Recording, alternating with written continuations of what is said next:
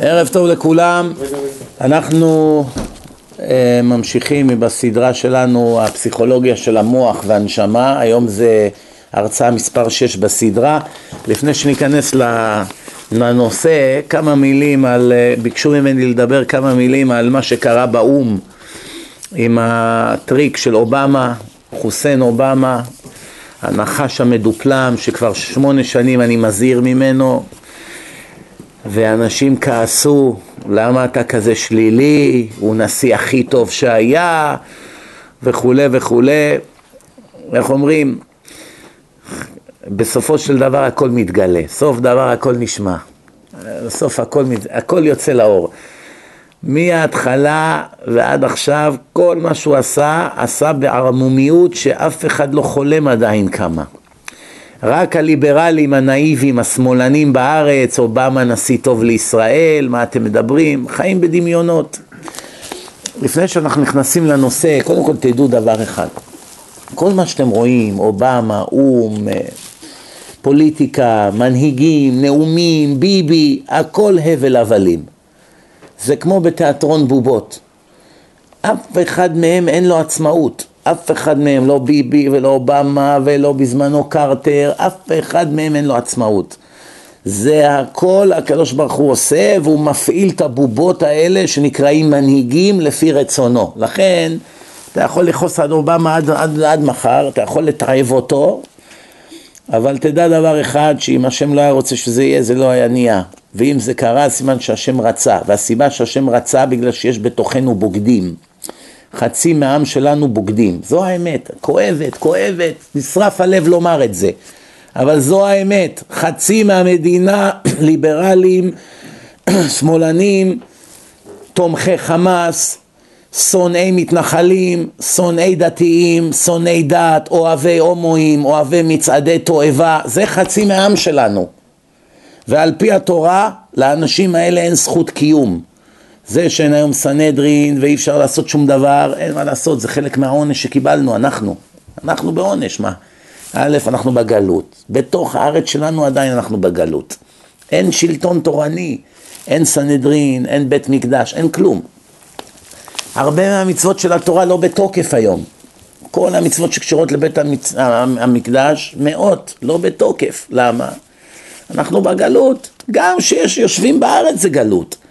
ששולטים עליך שלטון של 14 מחבלים שיושבים בכנסת, 14 בוגדים, מרגלים, רוצחים, יושבים, טיבי וההוא שעכשיו הבריח אה, טלפונים לרוצחים וכל, וזועבי וכל אלה יימח שמם ושן זכרם, שהם יושבים בתוך הכנסת שלנו ונותנים להם לדבר בשם הדמוקרטיה המטופשת הזאת בלי לדעת שאלה שהמציאו את הדמוקרטיה מעולם לא עלה על דעתם שייתנו לאויבי הארץ לשבת בתוך הממשלה אתם חושבים שמי שהמציא את הדמוקרטיה חשב על הטמטום הזה?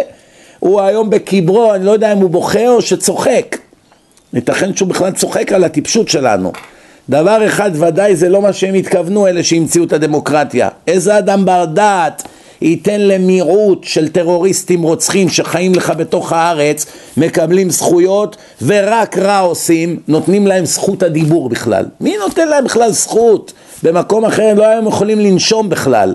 נותנים להם זכות להיות דוקטורים, עורכי דין, כל מיני דברים ולהרוס אותנו מבפנים. זה סוס טרויאני, ואף אחד לא יכול לעשות שום דבר בגלל שהקדוש ברוך הוא כבל את, את ידינו. למה? כיוון שכתוב בפרשת בחוקותיי, לא תלכו בחוקותיי, הגוי אשר בקרבך יעלה מעלה מעלה ואתה תרד מטה מטה, הוא יהיה לראש ואתה תהיה לזנב, ונאספתם אל עריכם. וחרב תעבור בארצכם, חרב נוקמת נקם ברית. יש תיאור יותר מדויק ממה שזה מדובר כאן עם הערבים והפלסטינאים שיושבים בארץ. יש תיאור יותר מדויק מזה? אין תיאור יותר. זה נכתב לפני שלושת אלפים שלוש מאות שנה. לא היה אז גוי שגר בקרבנו. לפני שלושת אלפים שנה עוד לא נכנסנו לארץ, עוד לא בנינו את בית המקדש הראשון אפילו. לא היה עוד כלום עדיין, היינו, בג... היינו במצ... במדבר, יצאנו ממצרים, שבעה שבועות אחרי יציאת מצרים, רק בעוד ארבעים שנה ניכנס לארץ, והתורה כבר אמרה, יבוא יום שאתם תלכו נגדי ואתם תזלזלו בתורה ותעשו צחוק מכל המצוות וכולי, וזה חצי מהעם, כמו שאמרתי, הגויים שבתוככם יאכלו אתכם, כמו סרטן שמתפשט בגוף, יאכלו אתכם עד שיחסלו אתכם לגמרי. זה פסוקים מפורשים. עם כל הכאב שבדבר, אמת זה אמת, לא יעזור כלום. רופא אומר לחולה מה מצבו, בין והוא אוהב לומר, בין והוא שונא לומר, מה זה משנה כבר? את מישהו, מישהו מעניין מה הרגשות של הרופא עכשיו בזמן שהוא מודיע לחולה מה מצבו? המדינה חולה, העם חולה, חצי מהעם חולה נפש, חצי מהעם תומכים בפלסטינאים רוצחים שהורגים ילדים, חצי מהעם תומכים באנשים שמורדים בקדוש ברוך הוא ומתחתנים גבר עם גבר, אישה עם אישה. באמריקה זה כבר יותר גרוע, כבר אנשים מתח... מתחתנים עם בהמות, עם כלבים, באמריקה באופן חוקי. אנשים, תראו ביוטיוב, מתחתנים עם כלבים. ויותר גרוע, עכשיו איזו אישה בצרפת הגישה בקשה להתחתן עם רובוט שהיא בנתה. היא התאהבה ברובוט. לאן האנושות הולכת? לאיבדון טוטאלי. אפילו בתקופת סדום ועמורה לא היה כזה שפל. ורק מה הם לא יודעים, אותם ליברלים שמאלנים, שונאי תורה ושונאי השם, הם לא יודעים דבר אחד. אם הם היו לומדים טוב היסטוריה, הם היו יודעים שהסוף שלהם הולך וקרב וזה יהיה קטלני, הם אין להם אפילו מושג מה יהיה הסוף שלהם. כי את סדום ועמורה הקדוש ברוך הוא המטיר עליהם אש מהשמיים ואחד מהם לא נותר. ולאורך כל ההיסטוריה, יוון, אימפריית יוון, אנחנו בחנוכה עכשיו, חנוכה עכשיו. האימפריה היוונית הושמדה כליל, לא נשאר מהם זכר, אלכסנדר מוקדון, אנטיוכוס, כל הפאר של יוון והמקדשים והאומנות, זכר לא נשאר מהם.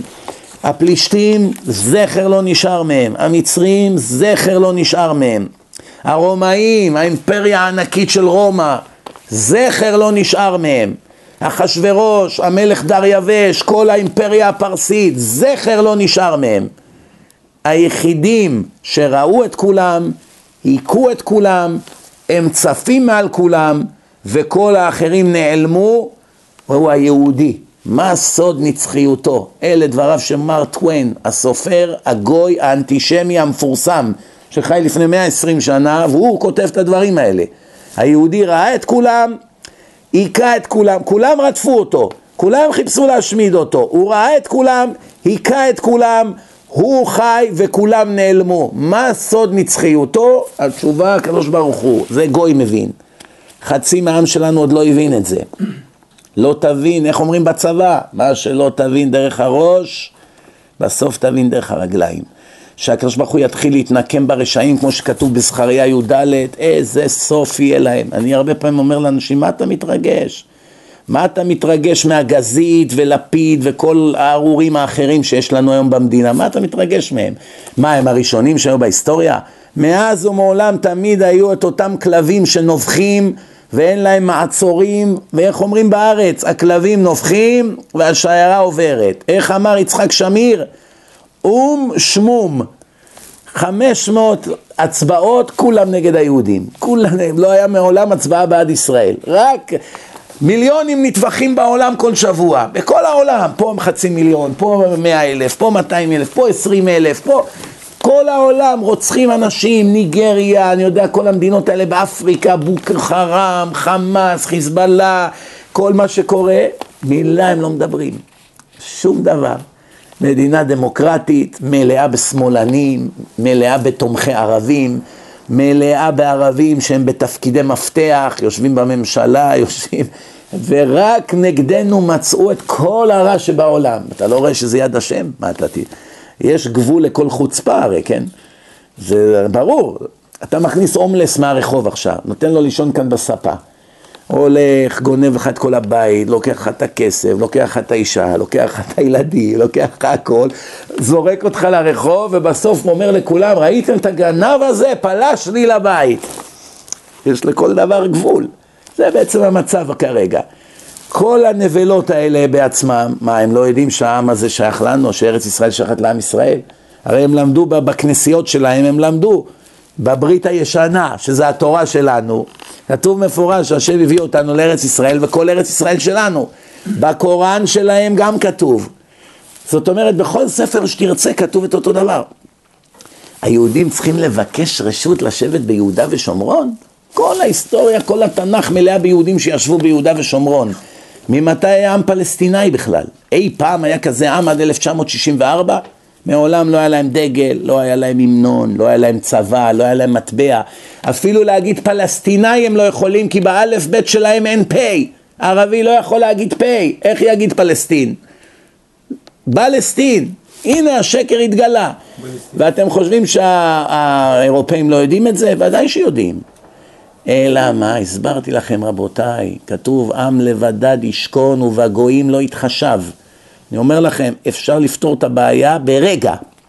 כל מה שצריך זה שעם ישראל יקבל על, עצמה, על עצמו באמת לפתוח רק בהשם. תראו איך הכל משתנה. אתה לא תאמינו, האו"ם הזה יתמוטט, יעלה באש. החלטה של רגע, אם הקדוש ברוך הוא רוצה למחוק אותם, בעשר דקות הם נמחקים. מספיק שטראמפ יודיע, אנחנו גמרנו את היחסים שלנו עם האו"ם. לא שולחים להם את ה-25% מימון. הם פושטים רגל תוך חודשיים. נגמר, אין או"ם יותר. ארצות הברית, יהיו גם מדינות אחרות שילכו בעקבות ארצות הברית כי יפחדו מטראמפ. הוא יכול להפעיל להם לחץ, יגיד להם, לבריטים, לכל אלה, אתם רוצים איתי יחסים טובים? תלכו יחד איתי. אני גומר את האו"ם, נגמר הסיפור, לא צריכים את האו"ם. לא צריכים או"ם שישב שם ויעשה מאות, מאות הצבעות, הכל נגד היהודים ונגד ישראל. בשביל זה אנחנו לא רוצים לשלם כסף. מספיק שעוד ארבע חמש מדינות ילכו יחד איתו, הם גמורים, נגמר הסיפור שלהם. אם השם רוצה ברגע, הוא סוגר אותם בכלל. הם יתבטלו ברגע, כי בלי כסף אתם יודעים שאי אפשר לעשות כלום. ישיבה אפשר בלי כסף, בית כנסת אפשר בלי כסף, ממשלה אפשר בלי כסף, צבא אפשר בלי כסף, גם או"ם אי אפשר בלי כסף. ברגע הקדוש ברוך הוא יכול למחוק אותם. מבחינה טבעית זה יכול לקרות תוך שבוע שבועיים, איך שהוא נהיה נשיא הוא יכול תוך שבוע למחוק אותם. השאלה אם השם רוצה שימחקו או לא הרשעים האלה, למה? כי לנו לא מגיע. מה שמגיע לך זה מה שאתה מקבל, מה אתה לא מבין? תולים תקוות בצבא, תולים תקוות בממשלה, תולים תקוות בביבי, תלו תקוות באובמה, עכשיו תולים תקוות, עזוב אותך מהתקוות באנשי כזב ומרמה. אנשים שהידיים שלהם מלאים בדם, כל מיני נוכלים וכל מיני מושחתים, מה אתה תולה בהם תקוות? יש לעולם בורא, הוא הבטיח לנו בתורה, בנים אתם להשם אלוקיכם, בכם בחרתי מכל העמים להיות לי לעם, לא תלכו בחוקות הגויים אשר אנוכי משלח מפניכם. תיזהרו לא להיות גויים, תהיו גויים, אני אשלח אליכם את הגויים כמו ששולחים חיית טרף על בן אדם. תהיו יהודים, אין גוי שיכול לעמוד בפניכם. איך כתוב במגילה, איש לא עמד בפניהם. נפל פחד על, על כל הגויים. שהשם רצה, היהודים עשו שמות בתוך אדמת פרס, 75 אלף, 500 אלף אנטישמים היהודים הרגו. תאר לך פה עכשיו במדינה נגיד כמו צרפת או משהו, שיש לך נגיד אה, חצי מיליון יהודים שגרים שם, תאר לך שמלך צרפת ייתן להם עכשיו את השרביט, מותר לכם לחסל פה את כל המחבלים שיש כאן בפריס. יש אין סוף מוסלמים רוצחים שם, אנשי טרור, אייסיס, הנה ליהודים יש רשות, הצבא איתכם, לכו תחסלו את כולם. תאר לך שיחסלו עכשיו בפריס 75,500 מחבלים. יש שם מיליונים, מיליונים יש שם בצרפת. תאר לך שעכשיו יודיעו בחדשות, היהודים חיסלו כאן 75,500 אלף מחבלים. איזה רעדה תהיה בעולם. זה היה בזמן המגילה, בזמן מרדכי ואסתר. היה ליהודים צבא? לא. הייתה להם מדינה? אז לא, הם גם היו בגלות פרס.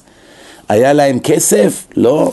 לא היה להם את הכוח שיש להם, היום למשל, יש ליהודים הרבה יותר כוח בעולם מבחינה כלכלית. והנה מה אתה רואה, שהשם רצה, נהפך הפור, הקדוש ברוך הוא קבר את המן ותלה את בניו, ומה היה הסוף שלהם?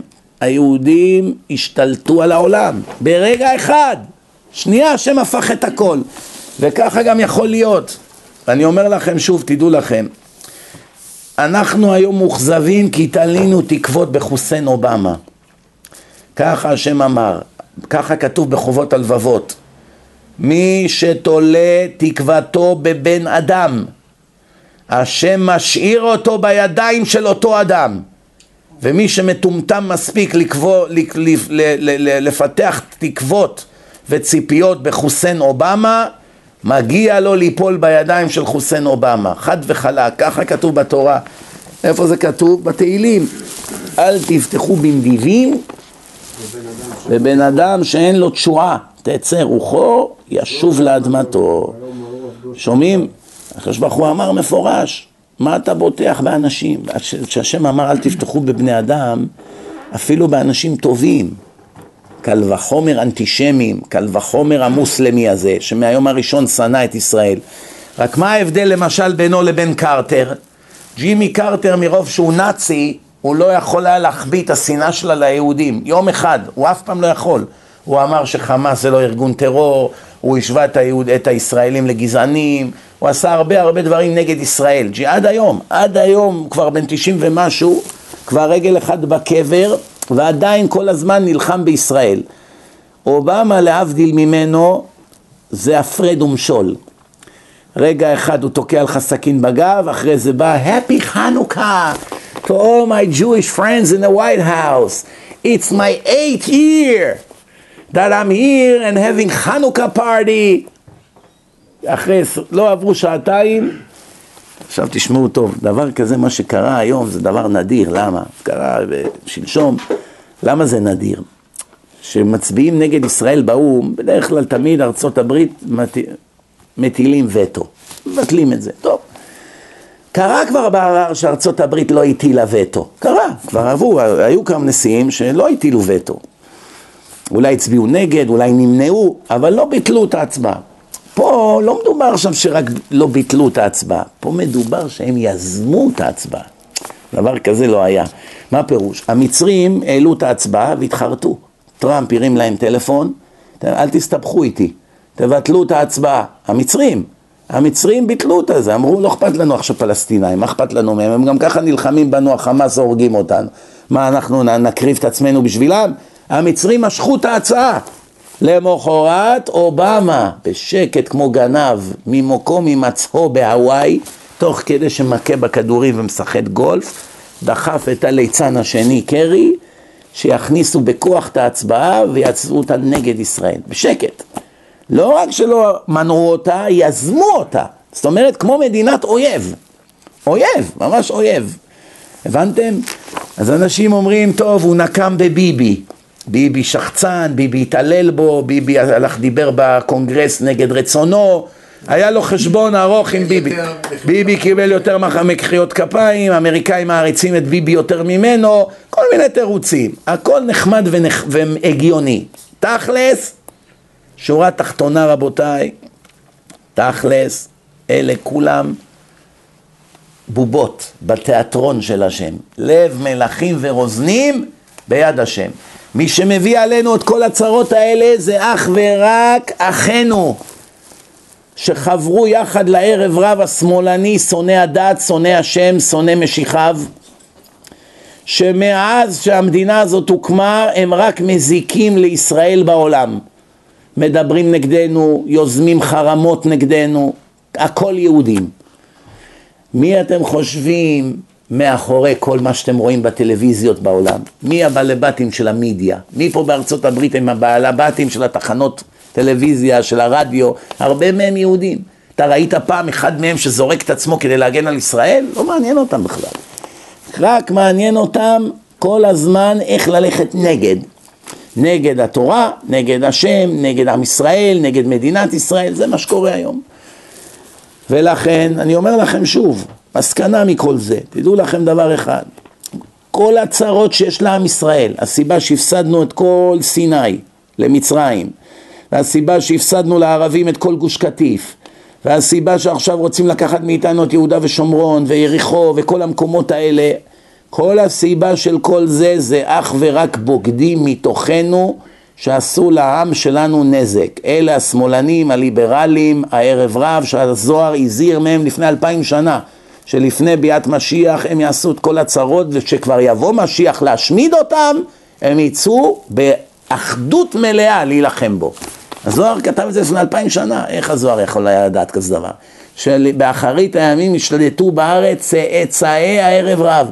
ראיתם איך הם שמחו? מחרימים את מדינת ישראל, קובעים שיהודה ושומרון לא שייכת לישראל, קובעים באו"ם שהכותל לא שייך לישראל. הרובע היהודי גם לא שייך לישראל, ואלה השונאי ישראל שקוראים לעצמם יהודים, איזה בושה בכלל שהם מעיזים לקרוא לעצמם יהודים, כל כך שמחו, פתחו עוגות וממתקים, יש! איפה נשמע כזה דבר? זה כמו שעכשיו תגיד ישראל במלחמת ששת הימים כבשו את סיני, כבשו את רמת הגולן, כל הזה, והערבים ככה ברחובות שם בדמשק, כולם פתחו חפלה, מחלקים בקלאוות, מה אתה עושה מוסטפא? וואלה היהודים השמידו אותנו, באו, לקחו לנו חצי מהמדינה, תאר לך מה היה, אומרים משוגעים אלה, זה חצי מהעם שלנו רבותיי, כל בחירות זה ככה, חצי לפה, חצי לשם אנשים לא מבינים כמה הם אויבי המדינה האלה, הם לא מבינים, אה, אבל הוא, אבל הוא יהודי, תשמע, מה יהודי? יהודי שהורס אותנו מבפנים ומוכר אותנו לערבים ולאירופאים? איזה מין יהודי זה? התורה אמרה, מהרסייך ומחרבייך ממך יצאו. כולם מפנים את האצבע נגד אובמה, כולם מפנים את האצבע נגד האו"ם, כולם מפנים את האצבע נגד הפלסטינאים, כולם מצביעים את האצבע נגד האנטישמיות שבעולם, הכל נכון, אבל האצבע העיקרית צריכה להיות מופנית לשמאלנים בתוך הארץ, שהם עוכרי המדינה, הורסי המדינה, מהיום שנבראה המדינה, הוקמה המדינה, עד היום הם עשו את כל הנזק. בלעדיהם לא היה כלום, לא היו צריכים להחזיר שום אדמה, לא היה שום הפגנות נגד, הם לא היו מדברים בעולם נגד ישראל. פעם אמר מנחם בגין עליו השלום ליעקב אחימאיר, שזה כתב שכבר חמישים שנה עיתונאי, הוא ראיין אותו, הוא אמר לו על יהודה ושומרון, אז היה קרטר הנשיא, אמר לו כל הסיבה שהעולם מבקש מאיתנו להחזיר חלקים מיהודה ושומרון להם, זה רק בגלל שאנשים מתוכנו מדברים בעולם ונותנים לאמריקאים רעיונות. האמריקאים לא מבינים ברגע שהאמריקאים רואים שעומדים אנשים מתוך הממשלה, מהכנסת, ואומרים צריכים להחזיר לערבים אדמות, מהמילה להחזיר אני מתחלחל, מה זה להחזיר? מתי הם היו שם בכלל? מתי הייתה שם איזה מדינה פלסטינאית אי פעם? כל הסיבה שמדברים, אז, אז קרטר האנטישמי אומר, אם יהודים מודים שצריכים להחזיר חלקים מהמדינה לפלסטינאים, אדרבה, אני קופץ על זה כמוצא שלל רב. אבל כי אם כל היהודים היו אומרים, ומה פתאום להחזיר? להחזיר את מה? את ארץ אבותינו? ארץ אברהם, יצחק ויעקב, שהקדוש הוא נשבע להם והבטיח להם שזה הארץ שלהם? להחזיר למי? ת, תביאו, תוכיחו שמישהו היה אי פעם בעל הקרקע פה. הפלסטינאים יכולים להוכיח שהם אי פעם היו בעלי הקרקע? שום דבר, מעולם לא. מעולם הם לא היו בעלי הקרקע, רבותיי, שימו לב איזה תרמית פה. הם לא היה להם רשות לגור ביפו, לא היה להם רשות לגור בחיפה, לא היה להם רשות לגור ביהודה ושומרון, מעולם לא היה להם רשות. מי נתן להם רשות להיכנס לארץ הקודש בכלל? התשובה רבותיי, זה כתוב בתורה, כי לא תימכר הארץ לצמיתות. כי לי הארץ, אמר השם. השם אמר, הארץ שלי. ברצונה ליתן להם נתנה. איך רש"י כותב? חודש הזה לכם ראש חודשים, שהשם רוצה, נותן לנו את הארץ. עשינו דברים שגרמו לנו לאבד את הארץ, השם תופס אותנו ומעיף אותנו מהארץ, חביבי. זה כמו איזה אבא אחד עשיר, שחיתן את הבת שלו עם איזה פלגמט. הוא אומר לפלגמט הזה, תשמע טוב, כל עוד אתה שומע בקולי, בביזנס, בזה, במה שאני נותן לך הוראות, אתה יכול לגור בארמון ש, שנתתי פה, שתגור יחד עם הבת שלי. ברגע שתתחיל להתחכם איתי, אני מעיף אותך לכל הרוחות. זה בדיוק מה שקורה פה. ברגע שהתחיל לעשות טריקים, בא העשיר, תופס אותו, מעיף אותו מהחלון, תגור בפח זבל שם. אה, שום דבר, הזהרתי אותך. נתתי לך את הארמון, נתתי לך מיטה, נתתי לך מכון, הכל נתתי לך. הזהרתי אותך, תלך נגדי, לא תשמע בקולי, זה המחיר. וברגע שזרק אותו מהארמון, ההומלסים שישבו בחוץ נכנסו פנימה. עכשיו הם יושבים בספה, בסלון, השתלטו על הבית. עכשיו הוא צריך לעשות שלום עם הגביר, כדי להיכנס, אבל עכשיו הרבה יותר קשה, צריך לגרש משם את ההומלסים. פלשתם. אז ההומלסים עכשיו באים לאו"ם. מה?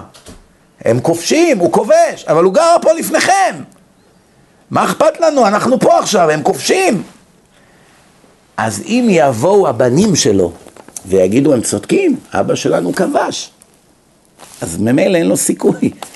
אומרים, הבנים שלך מודים שאתה כובש. הבנתם מה קורה פה? ככה זה שהם לא מחוברים לתורה, שהם שונאים את השם, שהם שונאים דת. כל מה שכתוב בדת, אפילו לטובת עם ישראל, הם מערערים. אני אגיד לכם, יש איזה עיתונאי, קוראים לו יואב לימור, שמעתם עליו? עיתונאי של ערוץ 2. אני לא מכיר אותו, אבל אני מניח שהוא כמו כל השמאלנים, כמו כל הכתבים, כולם שמאלנים עוכרי ישראל, למרות שאני באמת לא מכיר אותו, ממש לא יודע מי זה אפילו.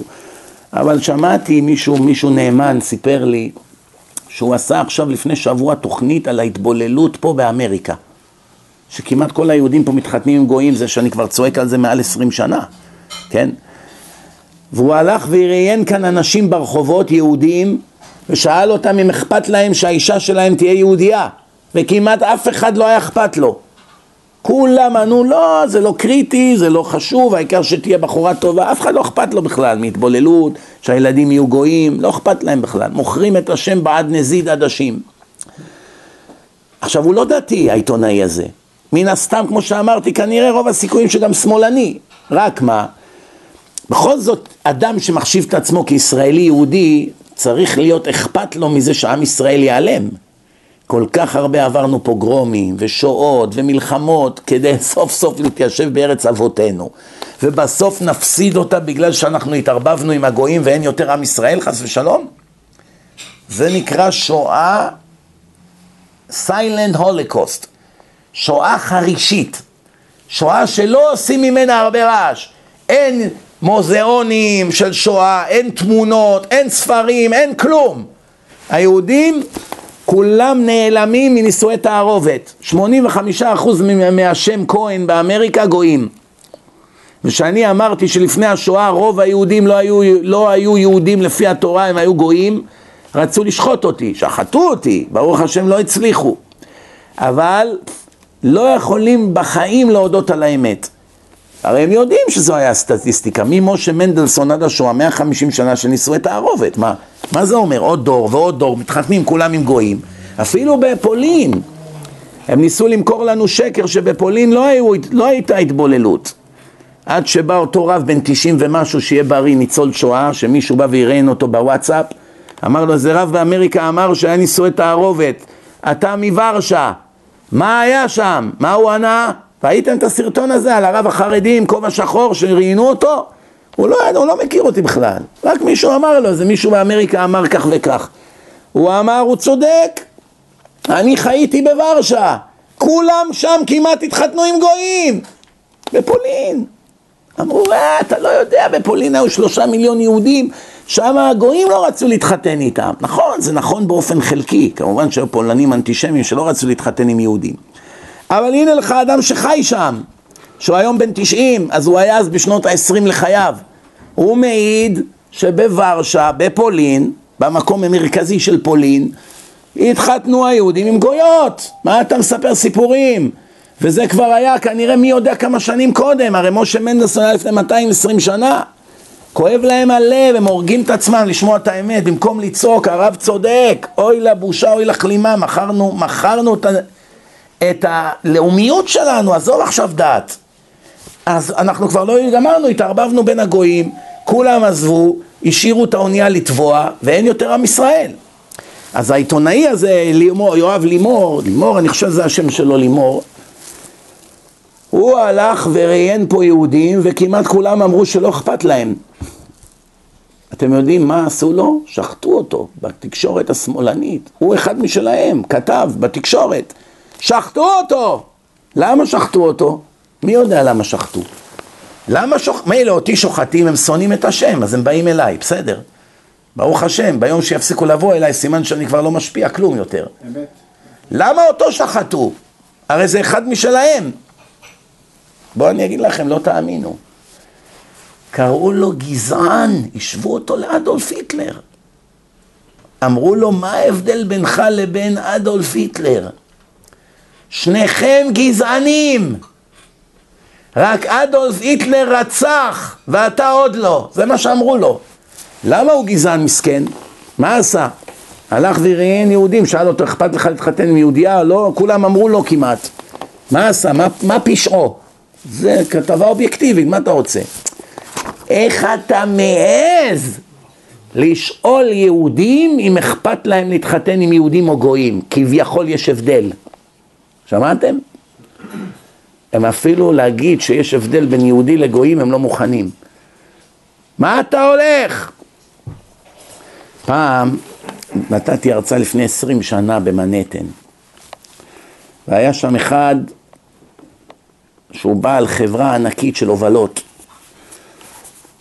ותוך כדי שאני דיברתי, התחלתי להסביר מה שקורה שם, שיהודיות הולכות עם ערבים בכפרים וקצת סמים נותנים להם והשם ירחם מה הולך שם. חלק מתחתנות ותקועות בכפר ומקבלות אגרופים ובעיטות כל יום במשך שנים, לא... נועלים אותם שם. התחלתי לספר מה שהולך היום בארץ, אז, לפני עשרים שנה. פתאום קם לי אותו נבל, אומר לי, אתה לא חושב שזה גזענות? אומר לי. אני אומר לו, מה זאת אומרת? הוא אומר, למה אתה מדבר על יהודיות שמתחתנות עם הערבים? מה הבעיה? הוא אומר לי. אמרתי לו, אתה מוכן שאחותך תתחתן עם ערבי? אומר לי, בטח.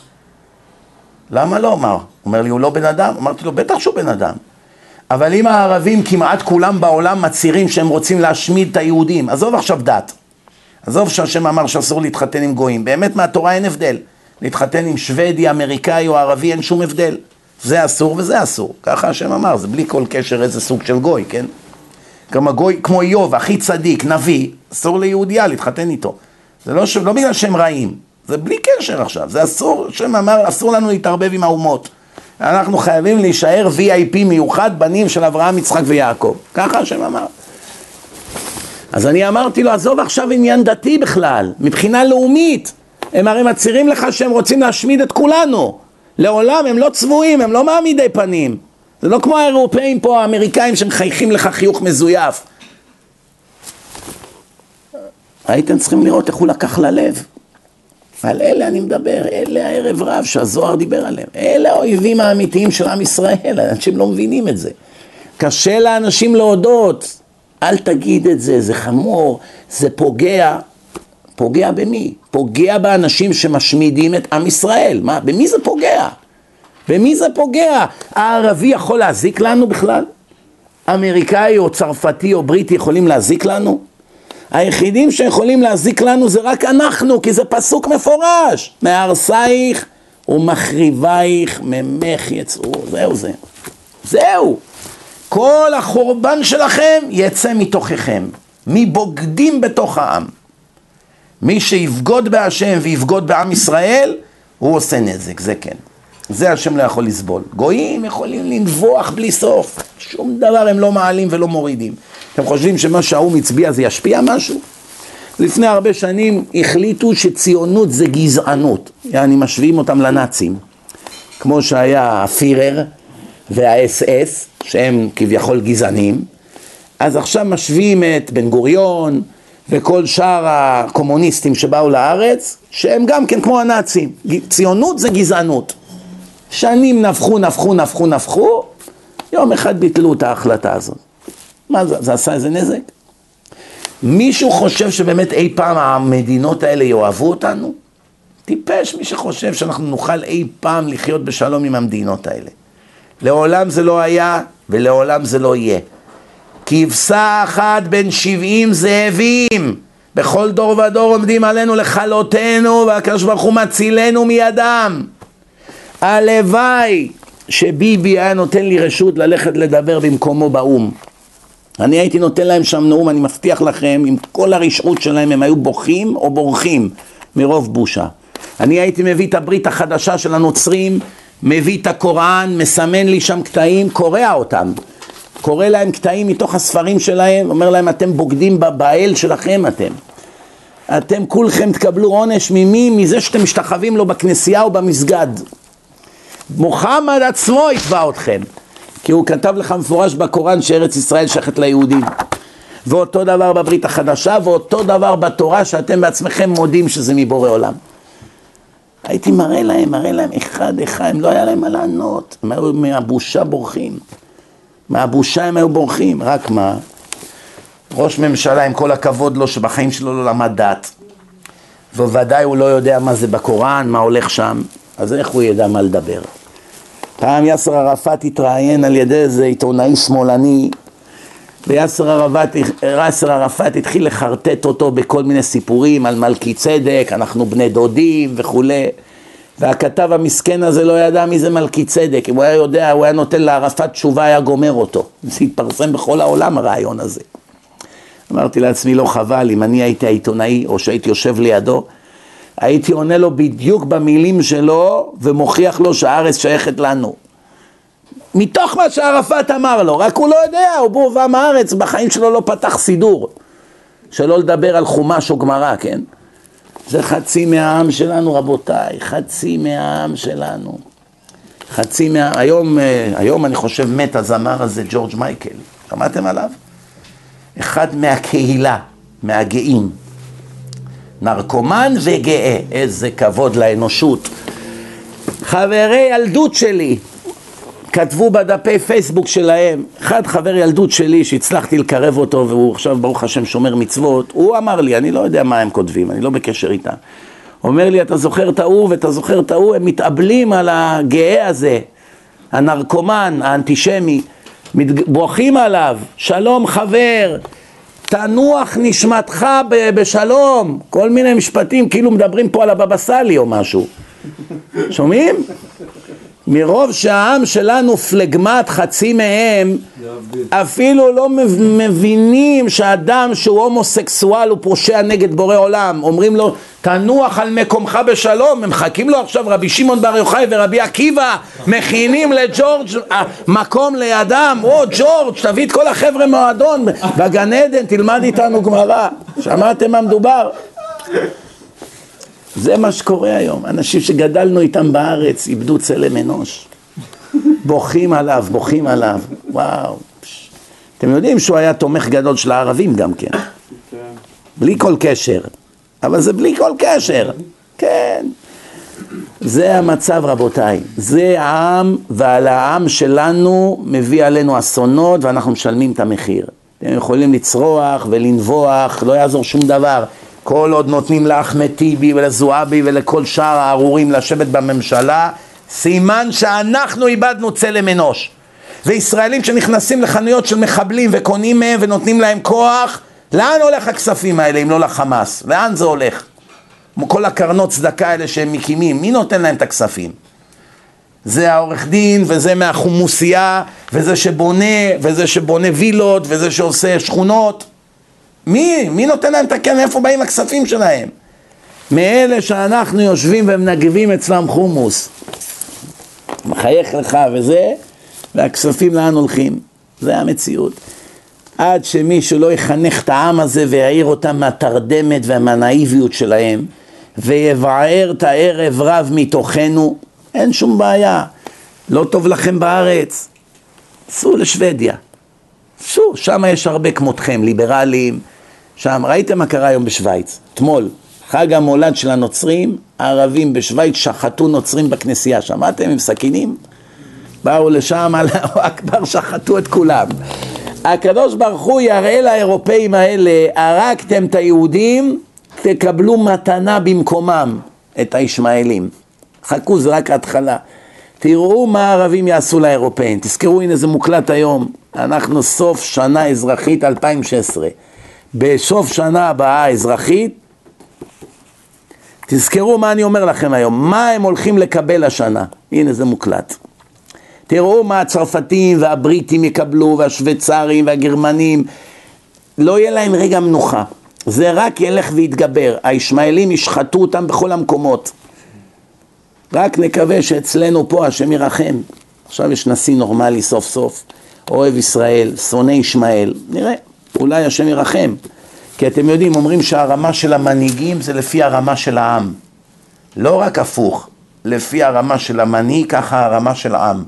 לפי המאמן, ככה הקבוצה. לפי הקבוצה, ככה המאמן. אתם מבינים, נכון? אם יש נבחרת הכי טובה בעולם בכדורגל, לא מביאים איזה מאמן מכפר קאסם, נכון? מביאים איזה מאמן שהוא שם גדול. לא בוחנים מאמנים ממכון וינגייט. מביאים מישהו שהוא שם רציני, נכון? זאת אומרת, הקבוצה קובעת את זהות המאמן, אבל זה גם הפוך. המאמן משפיע על הקבוצה. זה כמו חרב פיפיות, זה עובד לשני הצדדים. כשאתה רואה את המנהיגים שלנו הליצנים, סימן שאנחנו ליצנים. ובגלל שאנחנו ליצנים, אנחנו מקבלים מנהיגים שהם ליצנים. זה עובד לשני הכיוונים. אם סוף סוף נתנו פה מנהיג נורמלי, שאומר את האמת בגלוי והוא לא פוליטיקלי קורקט והוא לא צבוע והכל הוא מדבר בגלוי ולעניין ומבין מי זה הערבי ומבין מי זה השמאלנים הליברליים, מבין הכל ומבין מי זה אובמה והוא כבר מצהיר שהוא יבטל את כל מה שאובמה עשה. אז זאת אומרת הקדוש ברוך הוא נתן פה סוף סוף מנהיג אחד נורמלי. עזוב שהוא גאוותן ויש לו כל מיני בעיות אחרות אנחנו לא מטומטמים אנחנו יודעים. בסדר הוא לא, הוא לא בוגר פונוביץ' כן אבל הנקודה היא רבותיי שאולי סוף סוף יש פה שינוי. אולי אנחנו סתם נאיבים. אולי איך אומרים ההר יוליד עכבר. מי יודע עוד שנה נדע. אבל לפחות יש סיכוי. טוב סיימנו את הנושא הזה. בואו רגע נתקדם בנושא שלנו. אנחנו כמו שאמרנו בסדרת הפסיכולוגיה של המוח והנשמה זאת היום הרצאה מספר 6 בסדרה. בפעם שעברה, בשבוע שעבר דיברנו, סיימנו בהתמודדות עם החטא איך אדם מתמודד עם החטא והסברתי לכם שהגמרא במסכת נדרים מעשה של האחד שראה שהוא סלסל בשערותיו הוא בא לנהר וראה שהוא בחור נאה והוא בא לחתוך את שערו שקפץ עליו היצר הרע, כן? ושם אנחנו הבאנו דוגמה איך מתמודדים עם היצר הרע. האם זה סתם פעולה פזיזה חיצונית, או שאדם צריך לבאר את זה מהשורש בצורה מתונה, בצורה מחושבת, שם סיימנו בשבוע שעבר. היום ממשיכים, בדברי הרמב"ם יש הבדל בין אשמה לבין רגשות אשמה. מי יודע מה ההבדל?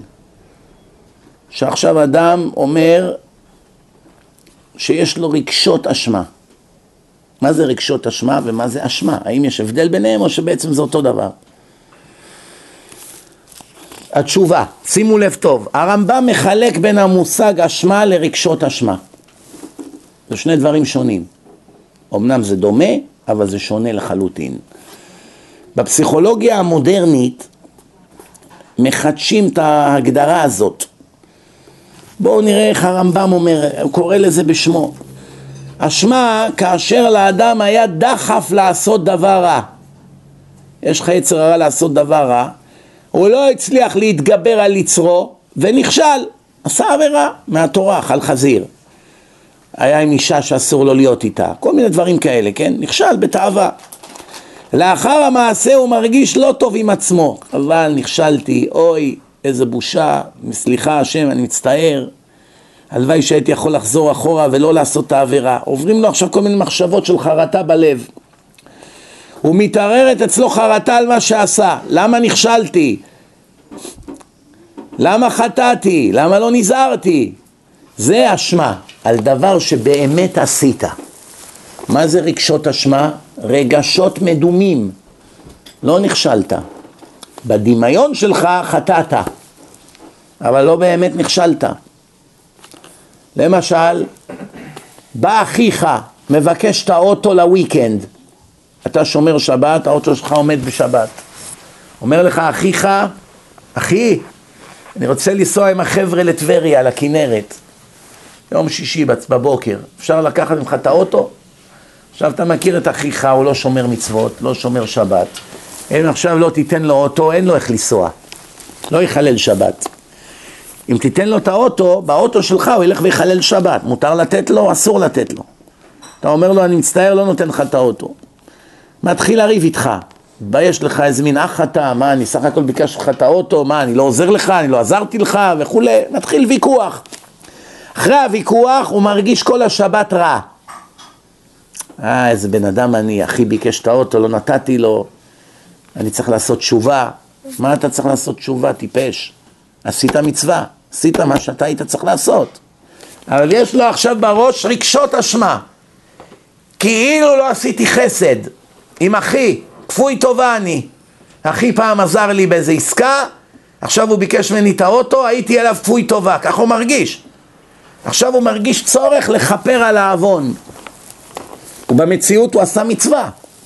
התורה זה שכל, זה לא רגשות מדומים, הכל שכל. אסור לו היה לתת לו את האוטו, מה פתאום לתת לו? גם לאבא שלך אסור, אין כיבוד הורים, שזה מגיע נגד השם. כבד את אביך ואת אמך, אני השם כתוב בפסוק. מה זה שייך? שאם יגידו לך לעשות משהו נגדי, החיוב לכבד אותם ברגע זה בטל. לא יכולים, אבא שלך לא יכול להגיד לך, לך תביא לי סיגריות בשבת, תקנה מהחנות סיגריות. אסור, אני לא יכול לגעת בכסף, לא יכול עכשיו לקחת סיגריות, זה גם מוקצה, ועכשיו אני אביא לך, אתה תדליק, זה מסייע בידי, בידי עוברי עבירה. יש פה כמה עבירות. היי, אני אבא שלך, חצוף, אתה גר פה, אתה אוכל פה. מה אני אעשה? השם מאכיל אותי ואותך. אתה רוצה שאני אלך איתך נגד השם? לא יכול. אני אזרוק אותך מהבית, זרוק. אין מה לעשות, אין רשות לעשות עבירות, אין רשות. אומר לך, שימו לב, רגשות אשמה זה מצב שבו האדם מרגיש משוכנע שהוא עשה משהו רע, למרות שבאמת לא עשה זאת. לא עשה זאת.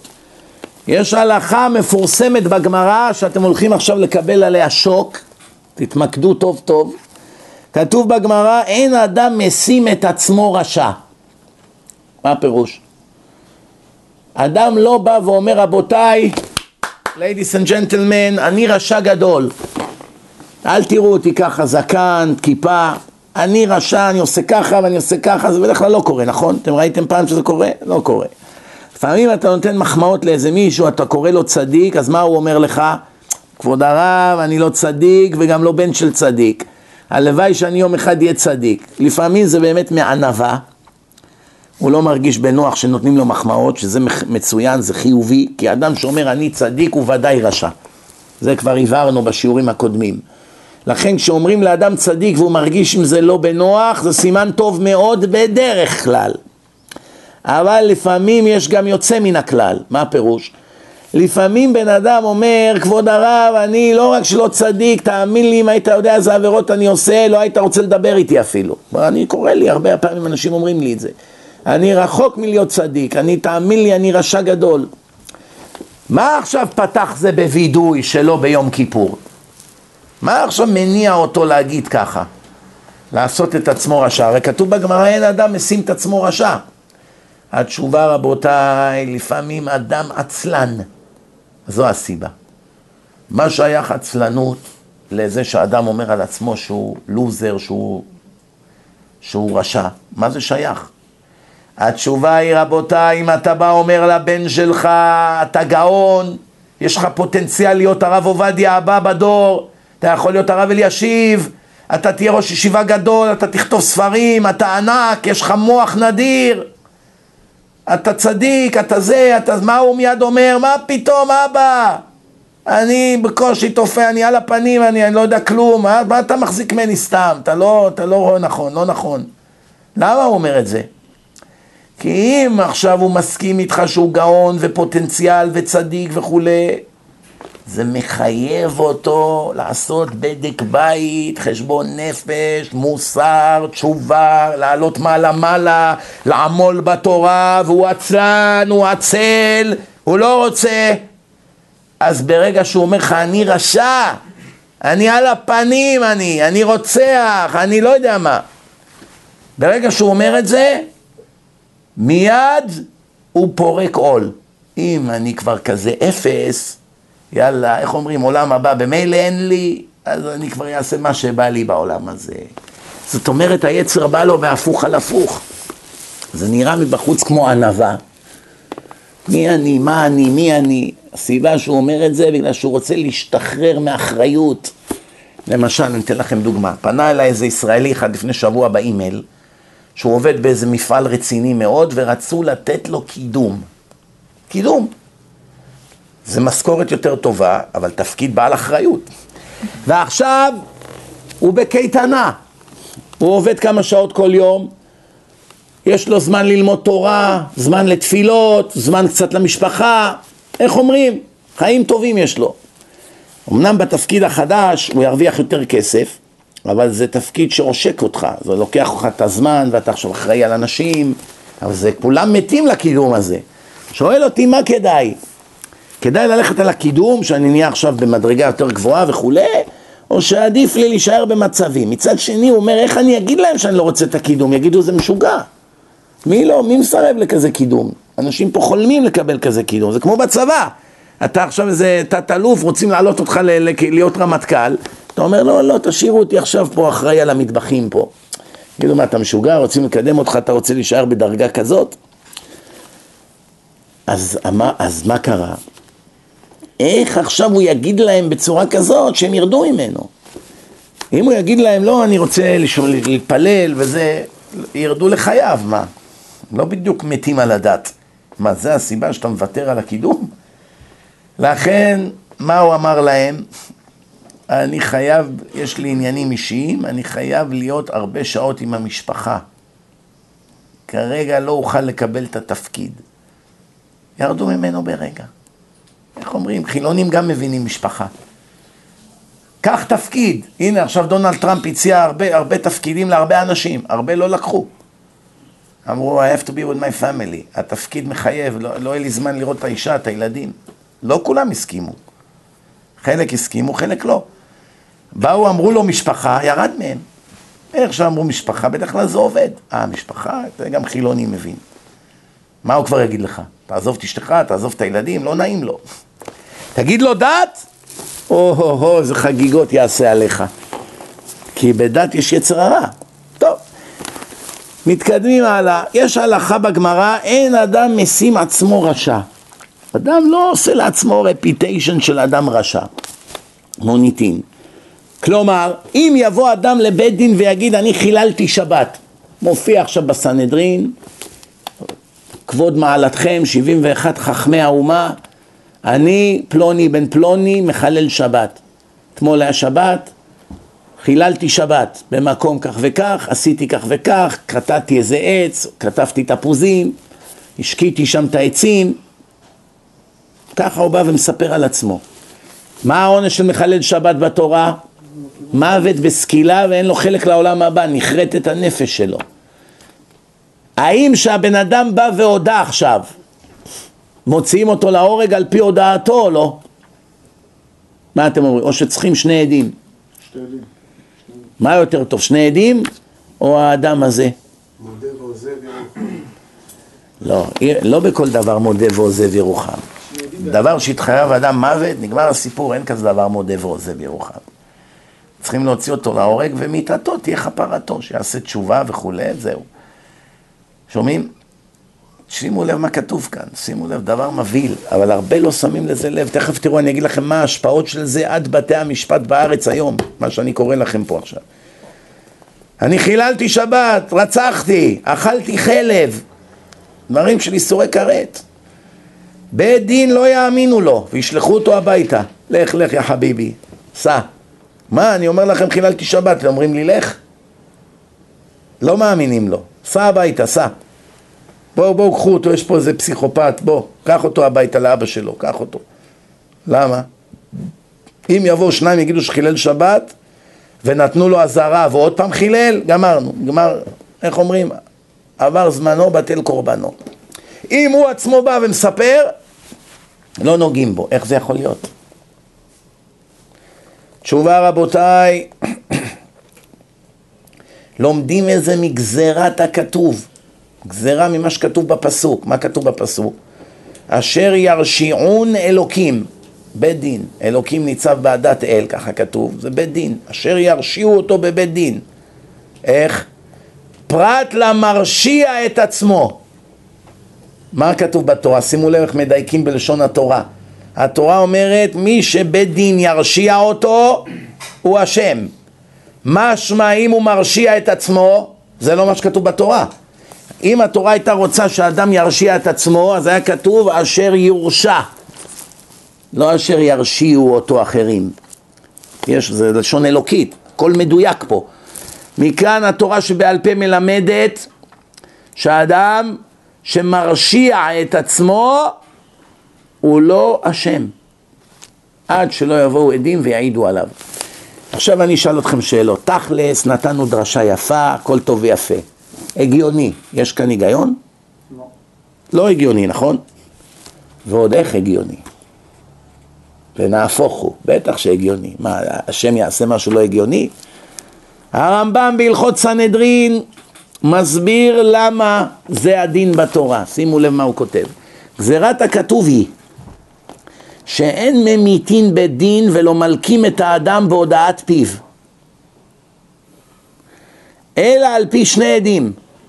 רק ככה, זהו, שני עדים שיבואו ויעידו. והעדות שלהם מתאימה במאה אחוז, אין אף פרט אחד שסותר את חברו.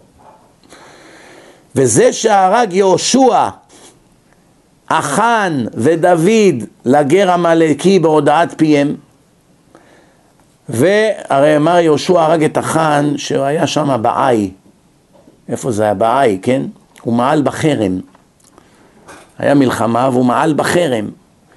ואז הקדוש ברוך הוא אמר לו שמי שמעל בחרם, זאת אומרת צו השעה צריך להרוג אותו. והחאן בא והודה, בלי זה לא היו יודעים. אלא זה היה צו השעה, לכל כלל יש יוצא מן הכלל, אבל זה לא הכלל, אומר הרמב"ם. אבל הסנהדרין אין ממיתים ולא מלקים את המודה בעבירה. למה? שימו לב, הרמב"ם מביא את הסיבות, תראו כמה זה נכון. שמא נטרפה דעתו בדבר הזה, אולי הוא קיבל שיגעון. אנשים משתגעים, זה נקרא temporary insanity, אי שפיות זמנית. אדם משתגע, מתחיל להגיד דברים, שטויות. אדם שמשתגע בזמן ליל הסדר ואכל מצה, ואחר כך הוא חוזר לשפיות, נגיד שתיים בלילה, הוא חזר לשפיות. הוא צריך לאכול מצה מחדש. המצה שהוא אכל בזמן שהוא היה לא שפוי, לא נחשבת לו מצווה. כי צריך כוונה. הוא צריך מחדש לעשות את המצווה, שומעים? שמא מן העמלים מראה הנפש המחכים למותם, שהם תמיד תוקעים החרבות בבטנם ומשליכים עצמם מעל הגגות. אולי מדובר כאן באחד שהוא בתוך מרה שחורה, מרה שחורה, בדיכאון עמוק. איך אומרים? טוב לי מותי מחיי. הלוואי שתהרגו אותי שאני אגאל מהאיסורים שלי. אבל הוא לא באמת הרג ולא באמת חילל שבת. והוא רוצה להתאבד, ואין לו אומץ להתאבד, כי מי שמתאבד, הוא לא יכול להיקבר אפילו בבית קברות יהודי, צריכים לקבור אותו מעבר לגדר, אפילו קדיש לא עוזר לו. ודאי אין לו חלק לעולם הבא, דנים אותו כרוצח. אז אדם שיש לו פחד מהשם לא יהרוג את עצמו, אלא אם כן הוא בדיכאון עמוק שהוא לא אחראי למעשיו, כן? אבל אם הוא שפוי ורק סתם מר לו ורע לו כי הפסיד הרבה כסף, או שאשתו עזבה אותו, או החברה שלו עזבה אותו, והוא רוצה עכשיו בגלל זה להתאבד, אדם כזה שיש לו פחד מהשם לא יעז לרצוח את עצמו. יעדיף שמישהו אחר יהרוג אותו. או יבוא, יספר להם סיפור לבית דין, תוציאו אותי להורג, תגאלו אותי מייסוריי. אבל באמת, הוא לא אשם. עוד שבוע הוא יצא מהדיכאון שלו ויחזור להיות אדם פורח ויתחתן מחדש ויביא ילדים ויבנה ביזנס ואז הדיינים יגידו תראה איזה מזל היינו הורגים אותו לפני 40 שנה כל זה היה נמנע כבר היו דברים מעולם כך זה יבוא ויאמר שלא עשה כדי שיהרג לשון הרמב"ם וכללו של דבר גזירת מלך היא איפה זה? רמב"ם הלכות סנהדרין פרק י"ח הלכה ו' הרמב"ם מביא שלוש אפשרויות. אפשרות אחת, שמא נטרפה דעתו בדבר. המוח, הוא בבלבול עכשיו.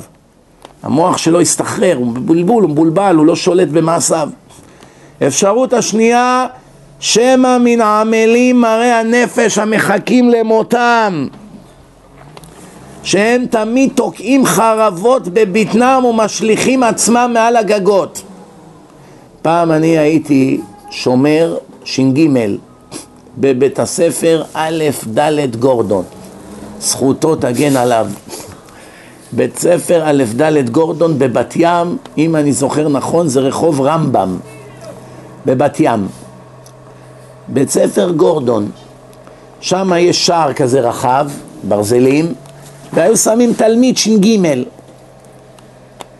שאם מכוניות נכנסות צריכים לכתוב וכולי. על המזל שלי שמו אותי ש"ג, אני מרים את ראשי, אשא עיניי אל ההרים, במקום הרים, מה ראיתי?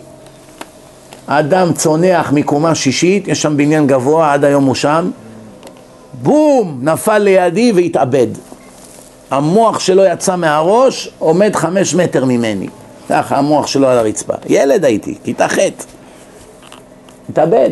עד שבאו אמבולנס, כיסו אותו, כל הבית ספר בהלם. כמו שהרמב"ם אומר, משליכים עצמם מעל הגגות. זה אחת הדרכים הפופולריות להתאבד. אני לא יודע איך לאדם יש אומץ לקפוץ מגג ולהתרסק. זה, זה לא יאומן כי סובה מילא לקח איזה זריקה, נכנס לתרדמת, משהו, לפחות הוא לא מתרסק לחתיכות. לא יודע מה להגיד לכם. ככה היה. בן אדם מתאבד. והדרך השלישית, יבוא זה ויאמר דבר שלא עשה כדי שיהרג. נמאס לו, אז הוא בא ואומר על עצמו דבר שלא עשה כדי שיהרג. דהיינו, יש שלוש אפשרויות למה סנהדרין אסור להם להאמין לו. על שתי האפשרויות הראשונות לא צריך את גזירת הכתוב, זה כבר מבינים לבד. כי האנשים שהם שותים, שהם איבדו שפיות, מה צריך שהתורה תגיד לנו שאנחנו לא מאמינים לשוטה? אפילו בבית משפט אמריקאי יודעים שלא מאמינים לשוטה. אם יבוא אחד הומלס עם שקיות, משוגע, ככה שמדבר עם עצמו וזה, ורוצה עכשיו להגיד לשופט ראיתי את ההוא הורג, יש להתייחס אליו, יגיד לשוטרים קחו אותו להומלס צ'לטר, קחו אותו לטיפול, תראה איזה ריח יוצא ממנו, לא יתרחץ שנתיים, אף אחד לא ייקח אותו כרצינות, ברצינות, שותה הוא, מה? שם את הדברים, הולך, עוזב אותם, בואי נא אדוני, קח את הדברים. רואים שהוא לא אחראי למעשיו, אחד כזה אפשר על פי עדות שלו להרוג אותו? ודאי שלא. זה לא צריך תורה בשביל זה, כן? השני, השני, שאדם יודעים עליו שהוא בדיכאון עמוק. והשלישי, יש סיבה שהבן אדם בא ואומר אני הרגתי. הוא לא בדיכאון והוא לא שותה. מה יכולה להיות הסיבה אם ככה? הוא לא רוצה למות והוא גם לא שותה. אז למה הוא יבוא ויגיד אני רצחתי, תהרגו אותי? למה? כי הבן שלו הרג. הבן שלו בן עשרים, הוא בן שישים. ועכשיו הבן שלו בא ואומר לו אבא אל תשאל, הלכתי מכות עם איזה מישהו, לא יודע מה, איבדתי, הוצאתי את הסכין, הרגתי אותו, החבאתי אותו ביער. מה, מה עושה אבא? אומר, תשמע בני, שלא תגיד את זה לאף אחד. אני עכשיו אלך למשטרה ואני אתוודה על הרצח הזה. למה? אני כבר בן 60, גם ככה אני חולה, אין לי הרבה שנים לחיות. אני אשב בכלא, אשחק קצת שש בש עם האסירים. אתה יש לך אישה, ילדים, קריירה, ביזנס. סתם, סתם עכשיו יכניסו אותך מאסר או יוציאו אותך להורג. אני לוקח על עצמי, אל תדאג. אתה תדאג לי, תביא לי מדי פעם קצת דברים לכלא, קצת שוקולדים משוויץ, כן? יהיה בסדר, אל תדאג. הוא בא, אומר רבותיי, לכו תראו יש גופה ביער, אתם מחפשים אותה כבר 48 שעות, הבן אדם הזה עצבן אותי, הלכנו מכות, דקרתי אותו, הרגתי אותו. לפי עכשיו מה שהוא אמר, צריכים מיד להוציא אותו להורג. למה? הוא התוודה. שימו לב טוב רבותיי, ככה היה החוק במדינה. עד שבא הרב שלמה הופמן וקרא לשופטים החילונים בבית המשפט את דברי הרמב"ם. והחילונים הבינו שהם עושים טעות גדולה מאוד. אנשים שאומרים שהם ביצעו את הפשע, מיד מאמינים להם ומרשיעים אותם. אמר להם רב שלמה הופמן, שהיה פסיכולוג הגדול, הוא הרי הוא היה יושב בוועדה שקובעת איזה אסירים להמליץ עליהם לשחרור מוקדם וכולי, והוא היה מדבר עם רוצחים, עם גנבים, עם, עם הפושעים הכי גדולים בבתי כלא. הוא אמר לשופטים, יש מציאות שבן אדם מתוודה על דבר שהוא לא עשה. אני מבטיח לך כבוד השופט שאם תיקח את האסיר עכשיו לאזור הפשע שישחזר למשטרה איך הוא שדד את המקום הוא אפילו לא ידע איפה הדלת. תראו, אני דיברתי איתו, אני יודע שהוא משקר. והשופט שלח איתו שוטרים תגיד איך עשית את השוד. סתם התחיל להגיד נכנסתי מפה והמשטרה יודעים שזה לא נכון. נכנס משם ומצאו עקבות ותביעות ו... ובסוף אחרי כל זה למה אתה משקר? אתה לא גנבת פה. למה אתה לוקח על עצמך אשמה? א', אולי המאפיונר ששדד אומר לה, אתן לך מיליון דולר, לך תסגיר את עצמך. נדאג לאשתך, לילדים, שב שלוש שנים בבית סוהר, תפדה אותי. אבל אל תדאג, אני לארג', אני אתן לך מיליון, שני מיליון דולר, שב בכלא במקומי. ואנחנו, גם יש לנו קשרים עם הסוהרים, נשלח לך טלפון, יהיה לך אינטרנט, תאכל אוכל טוב, יביאו לך לשם שוארמה, אל תדאג. בארץ אתם יודעים, לא צריך לספר לכם עם השחיתויות שהולך בבתי כלא וכולי. שוחד פה, שוחד שם, המאפיונר ההוא, המאפיונר ההוא. אל תדאג. אז ההוא, מה הוא מרוויח? 20 אלף דולר בשנה, מציעים לו שני מיליון. בטח שיסכים לשבת שלוש שנים, אחרי התנהגות טובה שנתיים. אתם מכירים אחד בארץ שמרוויח שני מיליון דולר בשנתיים? שישב וישחק שש קצת ויקום בשש בבוקר? מתאים לו. אבל מי אמר שהוא באמת הפושע? שימו לב כמה אפשרויות בן אדם בא ומסגיר את עצמו והוא לא הפושע. אומר, רק אני אסכם את השלושה האלה ונסיים בזה. אומר ככה, הראשון, נטרפה דעתו בדבר, זה שוטה, מה שבימינו קוראים חולה פסיכיאטרי. יש לו מחלת נפש. מי יודע מה ההבדל בין מחלת נפש, מה שנקרא mental disease, לבין mental disorder, הפרעה נפשית. אתם יודעים את ההבדל בין מחלת נפש להפרעה נפשית, או הפרעות נפשיות?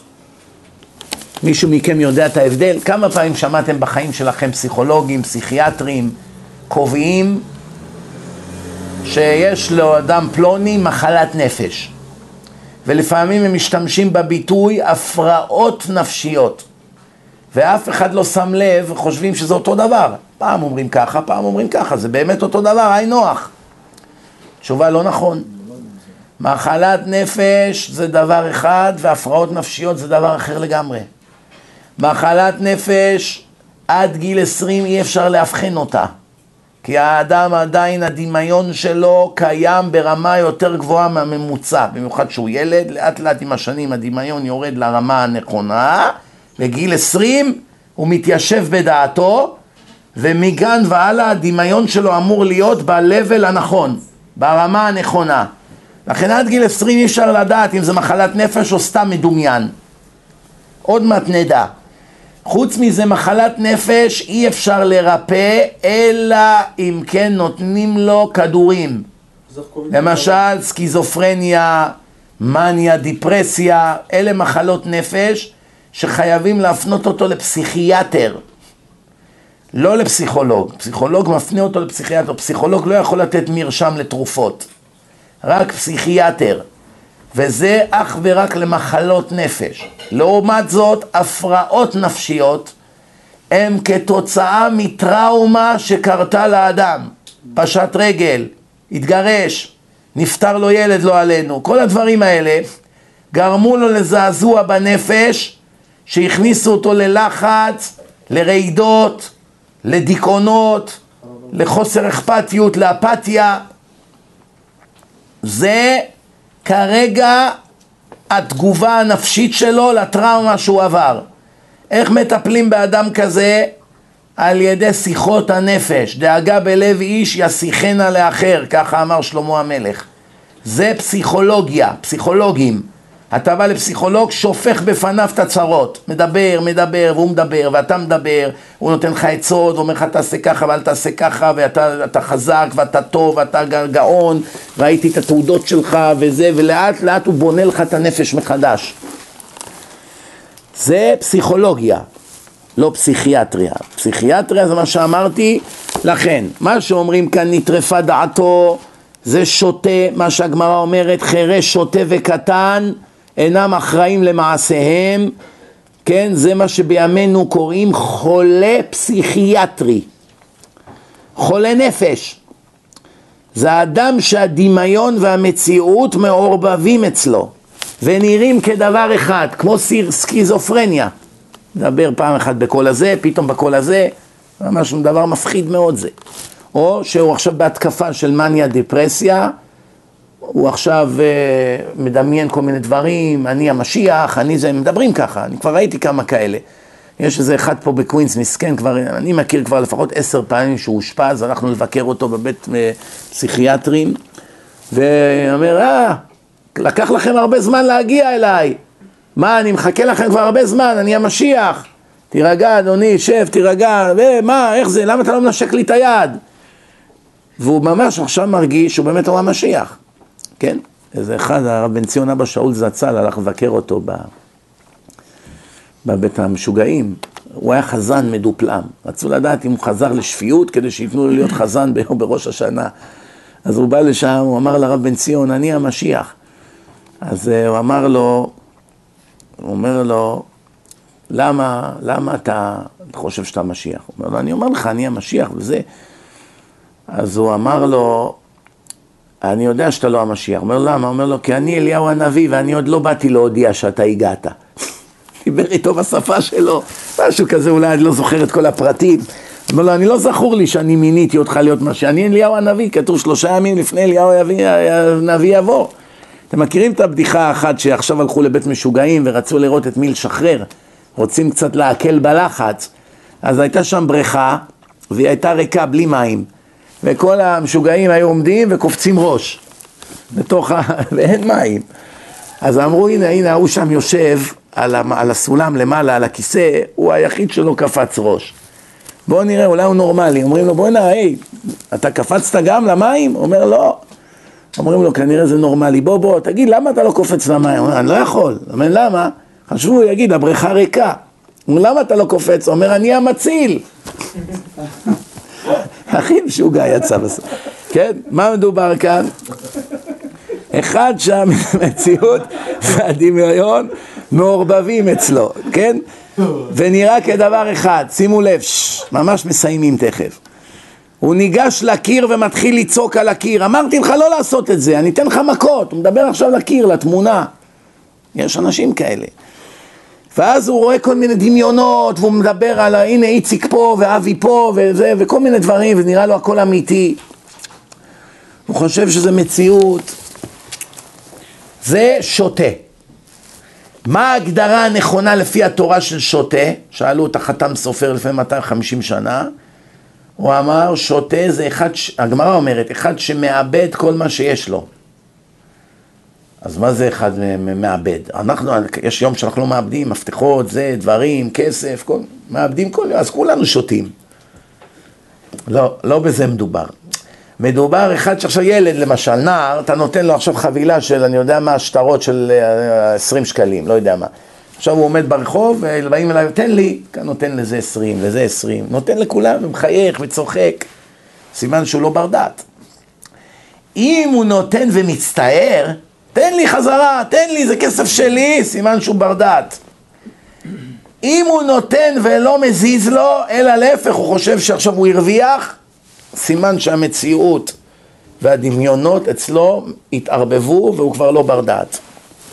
אי אפשר לדעת מה הוא יעשה, פתאום הוא יקפוץ מה... מה הוא יחשוב שהוא קופץ לאיזה בריכה, יקפוץ לך מקומה חמישית גם. אז אדם כזה, זה נקרא שוטה.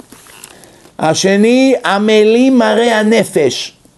אנשי, אנשים שהם עבדים של החיים, מדוכאים, ממורמרים, שבורים, דיכאון עמוק. מרה שחורה, מראה הנפש המחכים למותם. כמה כאלה הכרתי בחיי לצערי הרב. כמה כאלה. הוא מסוגל לעלות על הגג ולקפוץ ולהתאבד. גם הוא פטור מחיובי עונש. שומעים? החתם סופר אמר תשובה על אחד שמאבד את עצמו לדעת. מתאבד הכוונה. מי שמתאבד לא קוברים אותו בחלקה של יהודים, צריך לקבור אותו מעבר לגדר, אומרים שאפילו קדיש לא יעזור לו, דנים אותו כרוצח שרצח את עצמו, כי החיים שלו הם לא ברשותו, בסך הכל יש לו אותם כרגע, אבל זה לא, הוא לא יכול לעשות איתם מה שהוא רוצה, כן? אבל החתם סופר אומר שאם זה מחלת נפש, אין זה מאבד את עצמו לדעת. שאלתם את עצמכם למה ביהדות קוראים למושג הזה מאבד את עצמו לדעת? מה זה? היה צריך, היה צריך להגיד, הרג את עצמו, רצח את עצמו. מה זה מאבד את עצמו לדעת? מה שייך דעת פה? שעשה את זה בדעת צלולה. למה? הפסיד מיליון דולר בבורסה או בפוקר. יש לו עוד עשרה מיליון. הפסיד מיליון ביום אחד, עלה לגג וקפץ. לא מדובר עכשיו שהוא במראה שחורה או זה, סתם רגע של עצבים, לא יודע, אשתו עצבנה אותו, אשתו בגדה בו, לא יודע מה, עולה על הגג וקופץ. זה לא נקרא מאבד את עצמו לדעת, זה לא נקרא דיכאון עמוק שהוא פטור מן העונש, זה נקרא מאבד את עצמו לדעת. אומר החתם סופר אם זה מחלת נפש או דיכאון עמוק, זה לא נחשב מאבד את עצמו לדעת, וכן אומרים עליו קדיש, וכן קוברים אותו בחלקה של יהודים, ולא דנים אותו על זה שרצח את עצמו. הוא לא אחראי למעשיו, מה? אתה לא רואה? הוא עמוק בתוך מרה שחורה, הוא לא יכול, הוא לא רואה אור בכלל. לכן יקברו אותו כשאר ישראל. ומתי אין זה נחשב חולי אלא לדעת? כן? מה? מתי זה? זה כשהוא שפוי, והוא לא במראה שחורה, והוא לא שותה ולא חולה נפש. אז יודעים שזה בחר בזה וכולי. זאת אומרת, עד כאן הרמב"ם תיאר שני סוגי חולי נפש, אחד שהדמיון והמציאות מתערבבים אצלו, והשני שהוא בדיכאון עמוק. וסובל כל כך מחייו שאינו רוצה עוד לחיות. שומעים? מי זה השלישי שיבוא ויאמר דבר שלא עשה כדי שיהרג? מה זה? מדובר באדם בריא בנפשו, שמחויב בכל התרי"ג מצוות. ובכל זאת מגיע לבית דין והוא ממציא שעשה חטא, שמחייב אותו מיתה, מוות ומלקות וכדומה, והבית דין לא מאמינים לו, ואומרים לא עשית. זה החידוש של התורה, שיש מצב שבו האדם יהיה משוכנע לגמרי שהוא עשה ובאמת לא עשה. יש לו רגשות אשמה, דמיונות. חטאתי, אביתי, פשעתי. לא חטאת, לא אבית, לא פשעת בנושא, כלום. אבל ככה הוא מרגיש. ויאמר לבית דין שעשה דבר שלא עשה. למשל, יש הרבה בחורים צעירים ששטפו להם את המוח בארץ כל היום, זרע לבטלה, זרע לבטלה, זה מדור שבי בגיהנום, זרע לבטלה, יצלו אותך, ישחטו אותך, אינם יוצאים משם לעולם, זה יותר גרוע מרצח, זה הכל טוב ויפה, מה שכתוב אי אפשר לערער. מה שכתוב, שב בשקט. זה כתוב, נגמר הסיפור. מוצא חן, לא מוצא חן, מובן, לא מובן. אבל דבר אחד צריכים לדעת, לא תמיד זרע לבטלה זה כל כך חמור. למשל, אדם שומר על העיניים, לא עומד תורה, לא מסתכל על נשים, לא כלום. לא חס וחלילה מעוניין להוציא זרע, אכל עכשיו איזו ארוחה שנתנו לו באיזה, בבית הרב, אשתו של הרב. היה שם הרבה שום, שום, או הרבה חריף, או כל מיני תבלינים חריפים, וזה מחמם את הגוף, ותוך כדי שנה יצא לו זרע. הוא קם בבוקר, הורג את עצמו. כל השבוע מדוכא, לא הולך לעבודה, ישן במיטה, לא לומד גמרא כל היום. מערה שחורה. איציק, מה קורה איתך? אני רשע, אני חטאתי, הוצאתי זרע, וואו. אין לו חשק לחיות יותר. עוד שנייה יהרוג את עצמו. בכלל לא חטא. אה, יצא הזרע, בסדר, עושים תשובה על הצד שבכל זאת משהו קרה פה, וזהו. לא מסתכל בנשים, לא ניאף בידו, לא עשה את כל מה שכתוב. מה שכתוב זה שאדם עושה את זה לכתחילה, במזיד, בבחירה, או שקורא לו אפילו בלילה, קרי לילה, אבל בתנאי שהוא כל היום מסתכל ומחפש באינטרנט, בטלפון, ברחובות, בחורות, אז ממילא האדם חושב בלילה על מה שהוא רואה ביום. הלילה, ההרהורים של הראש, הולכים אחרי מה שהוא רואה ביום. אז יש לו צד של אשמה. יעשה תשו, גם פה לא צריך להרוג את עצמו ולהיכנס למראה שחורה, כי השטן הורג אותך פעמיים. פעם אחת מחטיא אותך ופעם אחת מייאש אותך. ואז לגמרי אתה אבוד. אתה קלע אותך בתוך רשת.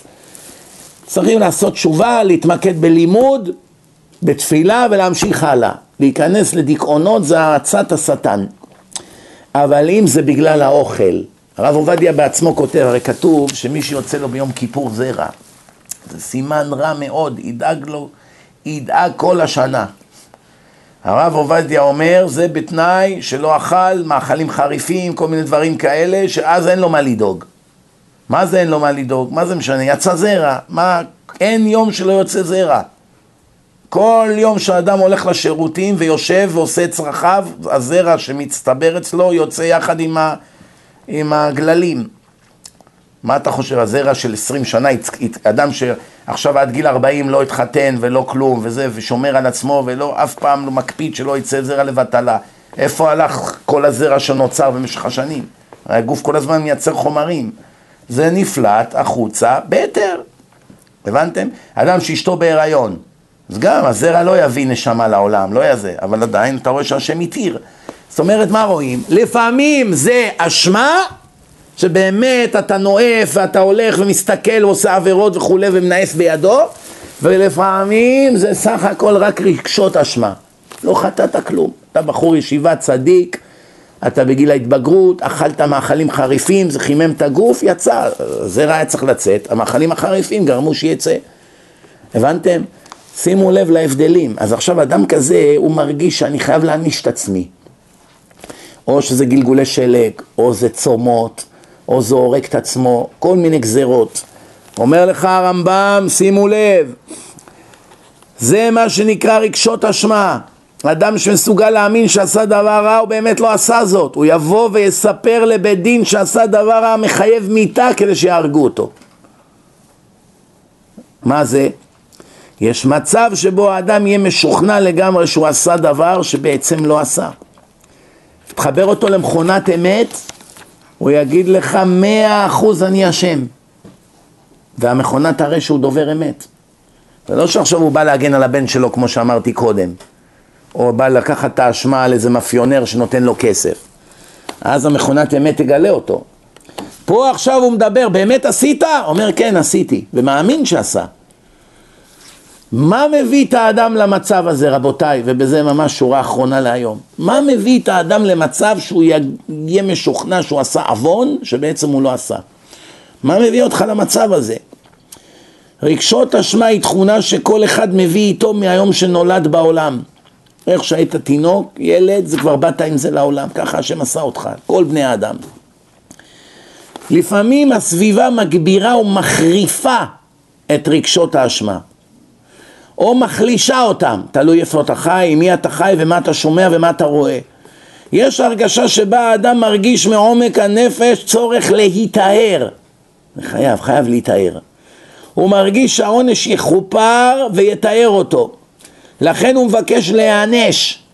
על ידי שהוא מעניש את עצמו אפילו על דבר שלא עשה, הוא מרגיש הקלה וזה שהוא נטהר. קיבלתי את שלי, ברוך השם. נרגעתי. זה מרגיע לו את המצפון, שימו לב. זה מה שאנשים לא מבינים, זה כבר מגיל קטן אצל ילדים. מחקרים רבים שעשה זיגמון פרויד, פסיכולוג, לימד כמה דברים נכונים, רוב מה שהוא לימד זה בובה מייסס ושטויות וההפך מהאמת. אבל חלק מהדברים שהוא עשה, מחקרים למיניהם, הם אמת.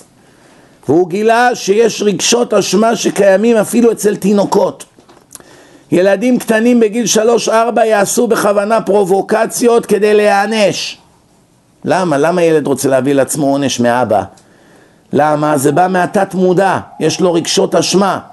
איך? הוא בסך הכל בן ארבע, רגשות אשמה על מה? והם מחפשים דרכים לקבל עונש כדי להתאר ולעכל את רגשות האשמה. אדם לא שם לב לכוחות הלא מודעים, בתת מודע, שפועלים ודוחפים אותו לעשות פעולות. כי זה בתת מודע, הוא לא שם לב. אנחנו רק רואים את הפעולה מהמבט החיצוני, מה שמתפרש במודע, לא יודעים שזה בא מהתת מודע. לא מכירים את המניע הפנימי שדוחף את האדם לאותה פעולה. אצל ילדים קטנים התכונות והמניעים שקופים יותר וניתן בקלות לזהות את המניעים לפעולות שלהם. יש מצב שאצל הילדים רק שתיתן להם איזה סתירה הם יירגעו. עשר פעמים ביקשת מהם יפה, הם בכוונה ממשיכים לעצבן, בכוונה, קופצים, כוזי, עושים רעש, שקט, בבקשה, לא לקפוץ על השולחן, עוד פעם הוא עושה, הוא מחפש את הסתירה. למה ילד יחפש סתירה? מי רוצה כאבים? אף אחד לא רוצה כאבים, נכון? רק כשנתת לו את הסתירה, שומעים? הוא, הוא מרגיש הקלה. זה בא לו מהתת מודע. זיגמונד פרויד, רבותיי. הם זוגדים לו, כל הפסיכולוגים באוניברסיטה בארץ, כן? הסתירה הועילה כי הקלה עליו את רגשות האשמה. עונש לא חייב להיות כאב פיזי. נתנו דוגמה לסתירה, זה לא חייב להיות סתירה. זה אפילו עונש בדמיון. הוא מרגיש שהפסיד משהו, זה גם כן עונש. אתה אומר לו, אני לא אקח אותך לספארי שבוע הבא. עוד לא הגיע, עוד שבוע נדע אם תיקח אותו. איך שאמרת לו, הוא כבר מרגיש הקלה. אה יופי, קיבלתי את מה שמגיע לי. דבר מדהים. אתם שומעים מה כתוב כאן? שאלו לחוכמה חוטא מה עונשו, אמרה חטאים תרדוף רעה. מי שחוטא, רעה תבוא אליו, לא תמוש רעה מביתו לא עלינו. שאלו לנבואה, את הנביאים, חוטא מהו עונשו? אמרה הנבואה, הנפש החוטאת היא תמות. כל אדם אחראי למעשיו, אין מה לעשות. איש בחטאו יומת כתוב. יש אנשים שעושים סיגופים, גלגולי שמץ, שלג, צומות, תעניות, כדי להיטהר. איך הרמב"ם קורא לאנשים האלה? כסילים. כסילים, שוטים, טיפשים. כשראו הכסילים שהחסידים, אלה שהצדיקים הגדולים, עשו אלה הפעולות ולא ידעו כוונתם, לא יודעים למה הצדיק המקובל עושה את הדברים האלה. חשבו שהן טובות וכיוונו עליהם, אמרו גם אני אהיה ככה, גם אני אהיה הרב מרדכי שרבי, גם אני אהיה הארי הקדוש, גם אני אהיה רמח"ל, טובל בשלג, שובר את הקרח, הולך בארבע בבוקר למקווה באמצע הנהר, בעשרים מתחת לאפס, גם אני, גם אני, שומעים? בחושבם שיהיו כמותם ויענו את גופם בכל מיני עינויים ויחשבו שהם קנו לעצמם מעלה ומידה טובה שעשו טוב. ובזה יתקרב האדם להשם כאילו חס וחלילה השם יתברך שונא את הגוף ורוצה לאבדו ולענות אותו. זה מאיפה בא? הרבה מזה בא מהנצרות הרמב"ם שמונה פרקים, פרק רביעי, שם זה כתוב. המחשבה שהאיסורים יביאו לטהרה היא מחשבת הכסילים. אולם הקדוש ברוך הוא חידש ולימד אותנו יסוד חשוב, ובזה תתאר את עצמך ובזה סיימנו. שאלו לקדוש ברוך הוא חותם מהו עונשו, אמר יעשה תשובה ויתכפר. השם יכול היה להגיד ימות, איש בחטאו יומת, השם היה יכול היה להגיד, יבוא אליו רעב וטרגדיות. מה השם ענה? יעשה תשובה ויתחפר. את החידוש, חידוש האופטימי הזה שהשם נתן לנו ביהדות, אין בשום מקום שבעולם. שום מקום. זה מהתורה למדנו, שימו לב. אפשר להתחפר ולהיטהר על ידי תשובה. לא צריך לענות את עצמך, לא צריך לענות את הגוף, לא צריך לצום כל שני וחמישי, נכון שזה מעלה, בסדר, יש אנשים במדרגות מסוימות. תשנה את ההתנהגות שלך, ובזה יכופר לך על החטאים שעשית ושלא עשית. שומעים?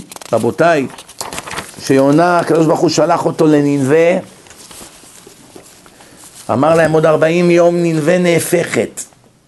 שמו שק, לבשו כולם שק, צומות, תעניות, אפילו הבהמות שמו. הכבשים, הפרות, לא נתנו להם אוכל. כולם ישבו עם המלך בכיכר העיר, תאר לך עכשיו בניו יורק, באים כל הנשיא, כולם יושבים במנהטן, ממלאים את הרחובות, כולם בוכים, חטאנו לפניך, רחם עלינו, לובשים שקים, שמים אפר. מה כתוב בסוף? שהקדוש ברוך הוא ביטל מעליהם את השואה שהייתה צריכה לבוא אליהם. למה? מה כתוב בנביא, ביונה? כי ראה השם כי שינו את מעשיהם. מילה לא כתוב בזכות זה שהם צמו. בזכות שלפסו שק מגרד בחום של ארץ ישראל, של סוריה, איזה חום, שק, ראיתם פעם שק של טפחי אדמה, איזה גירודים, שים אותו דקה על הגוף, תראה מה אתה מרגיש. שתגע, כמה אתה מזיע, כולך גירודים. ציצית אנשים לא יכולים לשים, מכותנה חלקה, או כבוד הרב איזה חום אני מת. שקים לבשו, אפר, ישבו להתפלל בצומות כל יום.